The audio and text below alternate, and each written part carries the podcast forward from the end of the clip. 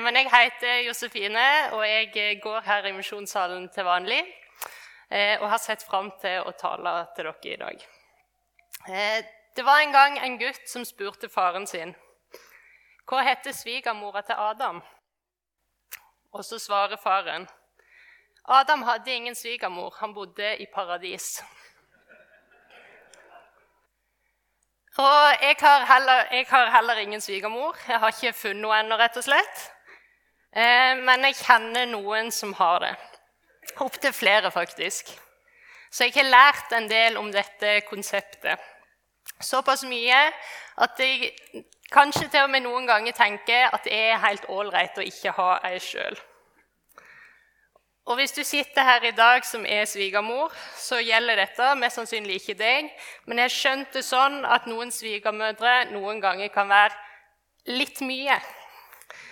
Eh, nå er det kanskje satt litt på spissen her, men eh, kanskje kunne det noen ganger være greit å ha en kompis som kunne fikse svigermor litt. Liten justering, bare. Og i teksten vår så møter vi en sånn. Eller ikke helt sånn, men vi møter i hvert fall ei svigermor som blir helbreda. Og I teksten vår så befinner vi oss i Kapernaum. Vi er på Jesu hjemsted, og vi er midt inne i en slags sånn medley der Jesus gjør undre. Han helbreder, vekker opp døde og driver ut onde ånder. Det er ganske vanvittige hendelser som står beskrevet både før og etter vår tekst. Og Så skal vi denne søndagen stoppe opp for et par av disse Fire små vers, men med ganske voldsomt innhold.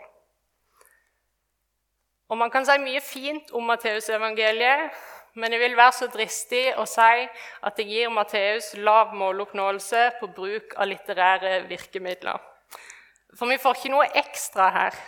Det er nøkternt språk, og han gjengir hovedtrekkene i det som skjer.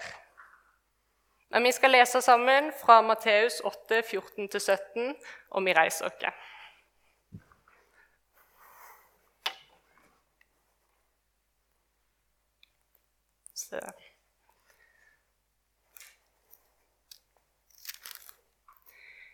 Jesus kom hjem til Peter og så at svigermoren hans lå til sengs med feber. Han rørte ved hånden hennes, og feberen slapp henne. Hun sto opp og stelte for ham. Da det ble kveld, brakte de til ham mange som hadde onde ånder. Han drev åndene ut med ett ord og helbredet alle som var syke. Slik skulle det ordet oppfylles som er talt gjennom profeten Jesaja. Han tok bort våre plager og bar våre sykdommer. Vær så god, sitt.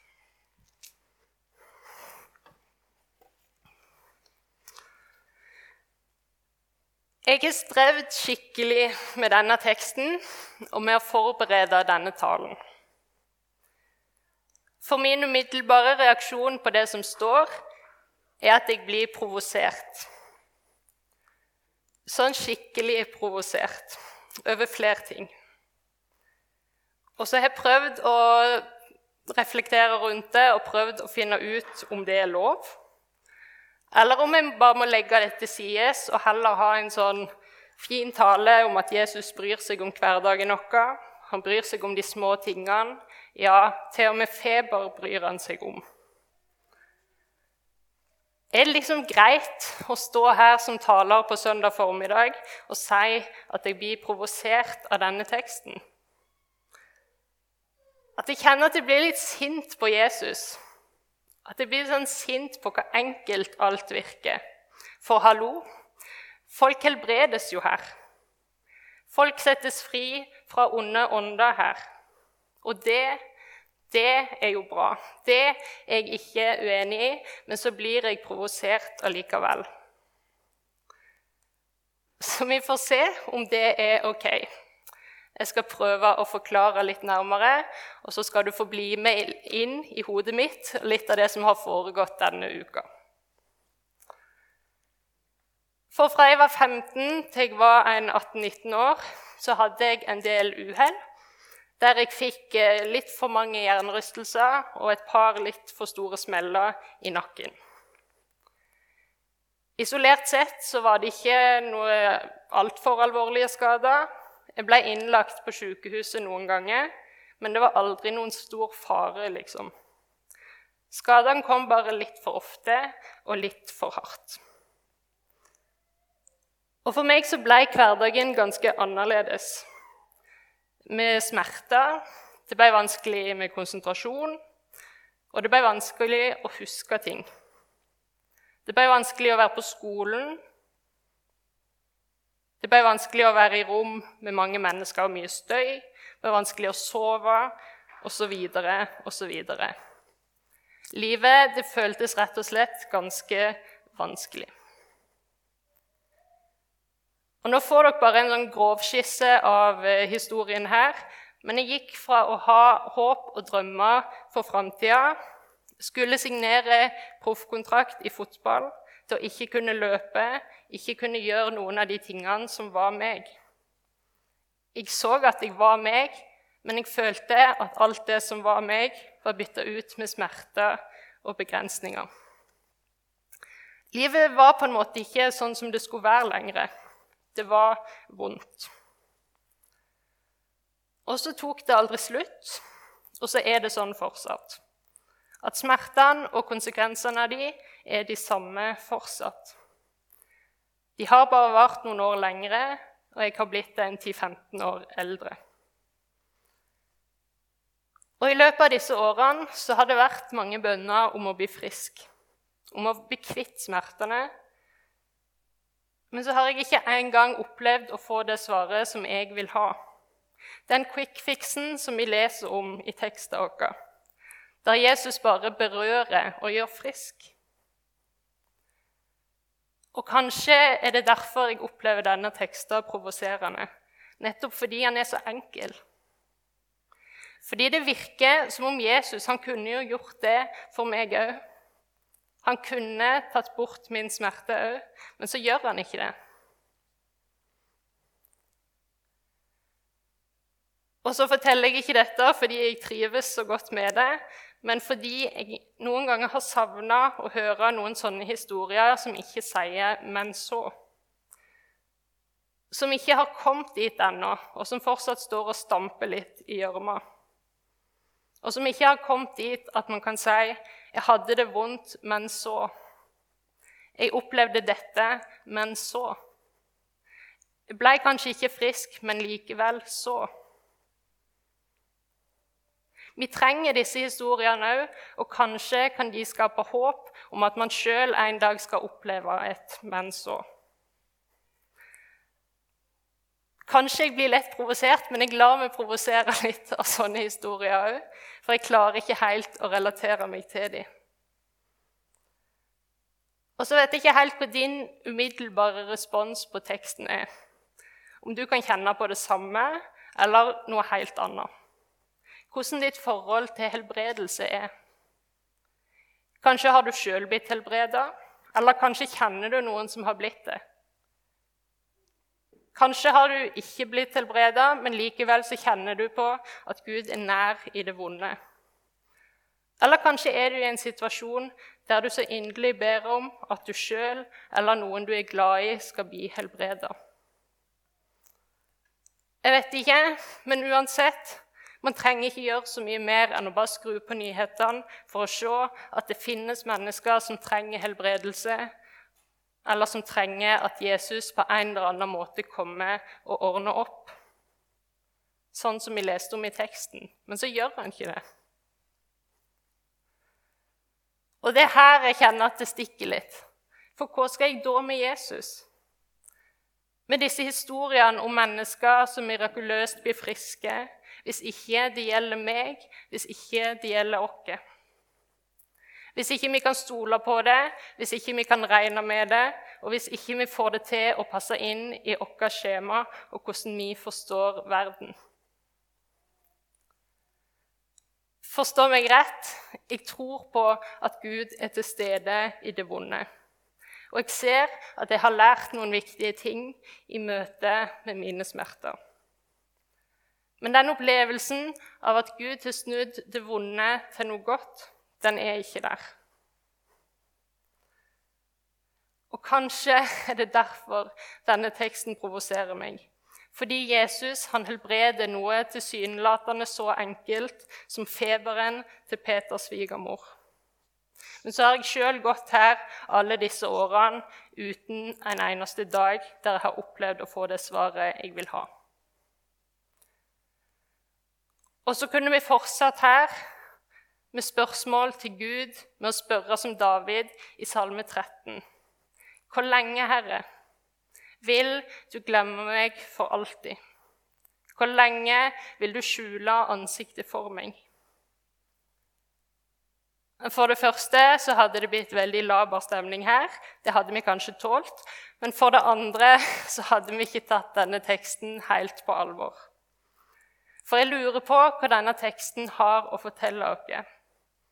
Så nå tar vi en pause fra min frustrasjon, og så prøver vi å se på teksten med et annet blikk. For teksten den er primært en forkynnelse av Jesus. Den sier noe om hvem han er, hvilken makt han har, og at han var den som Jesaja profeterte om.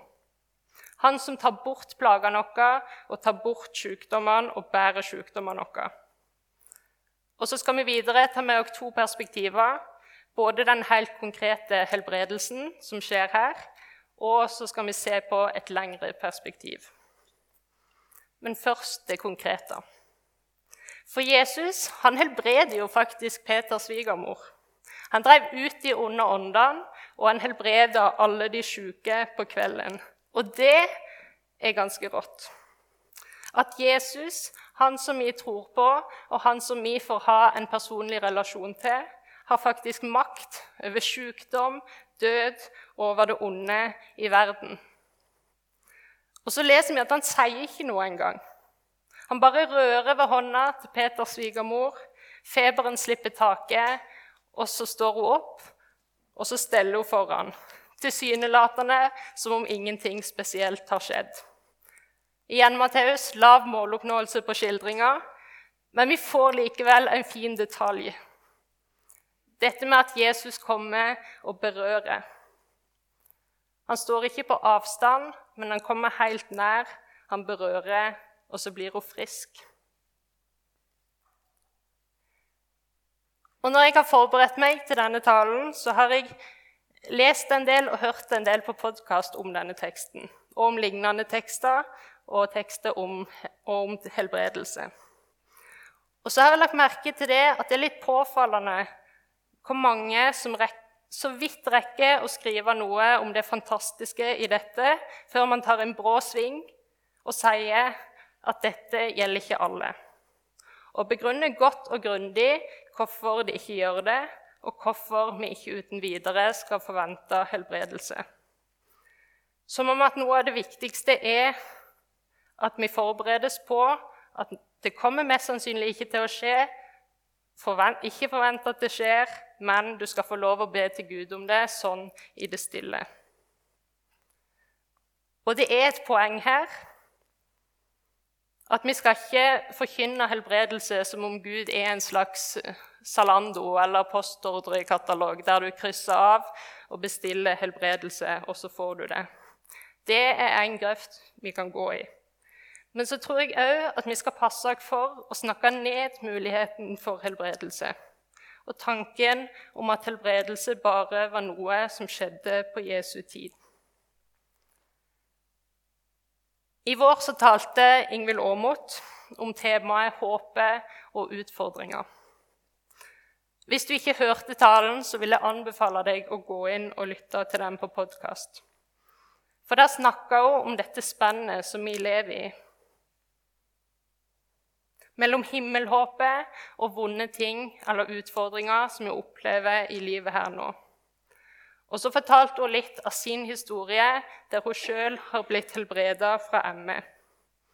Og så minner hun oss om at Gud er i går og i dag den samme, ja, til evig tid. Og at det kan innebære full helbredelse, full utfrielse og en total forandring òg i livet her nå. Og så skal jeg ærlig innrømme jeg ble litt provosert av den gudstjenesten òg. Litt på samme måte som med dagens tekst. Men jeg trengte å høre det. Og jeg tror at vi alle trenger å høre flere sånne historier. Og kanskje skal vi til og med driste oss til å forvente flere sånne historier i våre sammenhenger. For jeg tror at Gud kan gripe inn. Noen ganger gjør han det, andre ganger gjør han det ikke. Men vi skal be for hverandre, og vi skal legge det i Guds hender. Vi skal gi det til Han. Og så kan noen ganger Jesu mirakler virke litt kortsiktige. Den kroppslige helbredelsen er bare midlertidig. Peters svigermor ble syk igjen, og hun døde. Men Jesu møte med henne gir oss et innblikk i Jesu omsorg og medfølelse for henne og for hver enkelt av oss. Han bryr seg om våre personlige behov og ønsker å bringe helbredelse og trøst til vårt liv. Og helbredelse er på mange måter en gave til den syke, men jeg tror at noen ganger kan det være en gave til oss rundt som viser oss et glimt av det som ligger foran. Vi trenger å høre noen sånne historier, for de peker på Jesus. Og så står det profetert i Jesaja 53 om Jesus at når han kom, så skulle han bære sykdommene våre og ta på seg våre plager. Og Matteus ser dette når Jesus helbreder, som en oppfyllelse av denne profetien. Dette skjedde, sier han, for at det skulle oppfylles som er talt gjennom profeten Jesaja. Han tok bort våre plager og bar våre sykdommer. Det er en som har sagt om helbredelse, at Jesu helbredelse er ikke overnaturlige mirakler i en naturlig verden. Det er de eneste sanne, naturlige ting i en verden som er unaturlig, demonisert og såra. Det er fort å tenke at når Jesus gjør mirakler, så setter han naturlover til side. Men så sier det her noe helt motsatt. Og jeg tror at det er verdt å stoppe opp med. For det som skjer er at Når Jesus gjør mirakler, så fikser han i et øyeblikk naturen. Lar han funke sånn som han egentlig var meint å gjøre. Sånn som Gud ville det, sånn som Gud skapte det. For Gud ville ikke sykdom, fravær og død.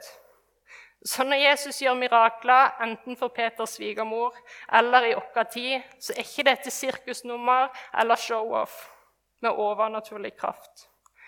Nei, når Jesus kommer inn, så er det som om han åpner vinduet inn mot dette som er Guds opprinnelige vilje og som han en gang vil gjenopprette og gjøre helt igjen.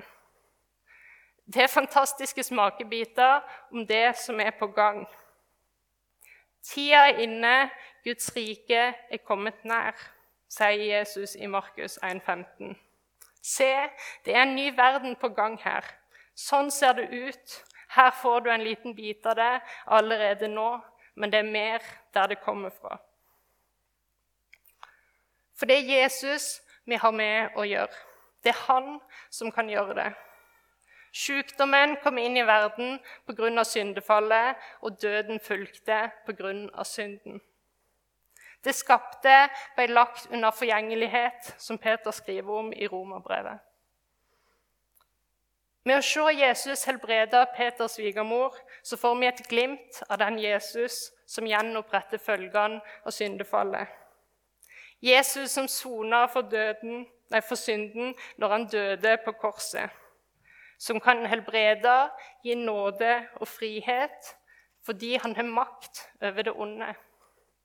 Han har makt over sykdom og død. Så Jesus demonstrerer at han er Gud. Guds rike vises i handling. Og da er vi inne på dette lengre perspektivet. Guds rike, det som er her allerede, men ennå ikke. Vi har fått og får smakebiter på det allerede nå. Men så er sannheten at vi, selv om vi er en del av det allerede nå som vi er kristne, så er det ikke fullt og helt til stede før Jesus har kommet igjen. Men fram til det så skal vi få leve i dette håpet om en evighet hos Gud. Der vi får være fri fra alt det vonde som vi opplever i verden her nå. Vi får ha et håp om en tilværelse fri for sykdom, smerte, synd og skam. Et sted der døden har tapt fordi Jesus har overvunnet den. En tilværelse der de eneste sårene som fins, er Jesu naglemerka hender og føtter. Og så har vi ikke et håp som henter næring fra verden, fra kroppen eller fra vår evne til å håpe. Nei, vi har et håp som er forankra i Guds løfter. Og i vår del av verden, og kanskje spesielt blant de yngre generasjonene, inkludert min, så kan det virke som at vi tror at livssmerte er noe vi kan forsikre oss mot.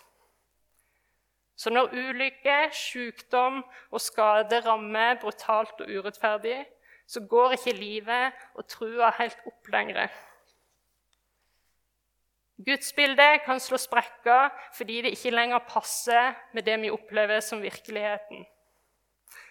Opplevelsen av at Gud ikke stilte opp når vi trengte han som mest, kan gjøre at vanskelighetene blir en vei bort fra Gud.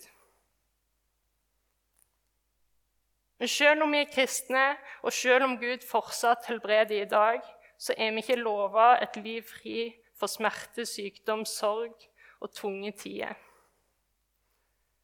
Bibelen er full av fortellinger der Jesus kommer nær og helbreder. Men han er òg full av mennesker som roper til Gud, som klager sin nød, og som anklager Gud for manglende trofasthet og rettferdighet. De er ikke sensurert bort fra Bibelen.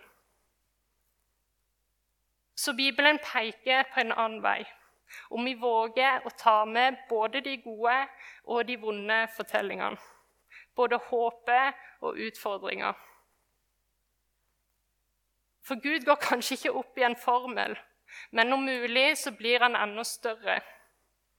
For Gud er en Gud for hele livet, for både de gode og de vonde fasene.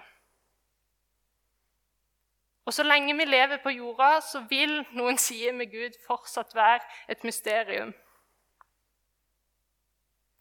Paulus skriver i 1. Korinterbrev 13 at vi forstår stykkevis. Men når det fullkomne kommer, så skal det som er stykkevis, ta slutt.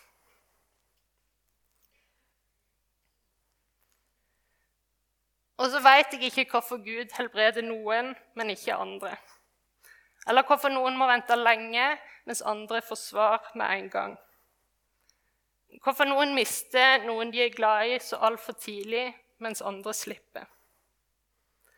Men jeg vet at vi tror på en Gud som tåler at vi ikke skjønner. Og som tåler at vi spør som David. Hvor lenge, Herre? Og som tåler at det spørsmålet stilles i sinne, i tårer, frustrasjon eller bare som et sukk. Og kanskje vil jeg oppleve et men så i min historie òg, kanskje ikke. Men likevel så tror jeg at vi skal holde fast på at Gud er undrenes Gud. Han som leverte tidenes menn så når Jesus døde på korset og tok et oppgjør med alt det vonde en gang for alle som har makt til å helbrede, samtidig som hans visdom og hans mål ikke er livet her nå, men et fremtidig rike der alt dette vonde er borte. Og en dag skal hver den av oss som kjenner Jesus, få erfare denne evige helbredelsen som han så gjerne vil gi hver enkelt av oss. Vi skal lese en av lesetekstene fra Jesaja sammen til slutt.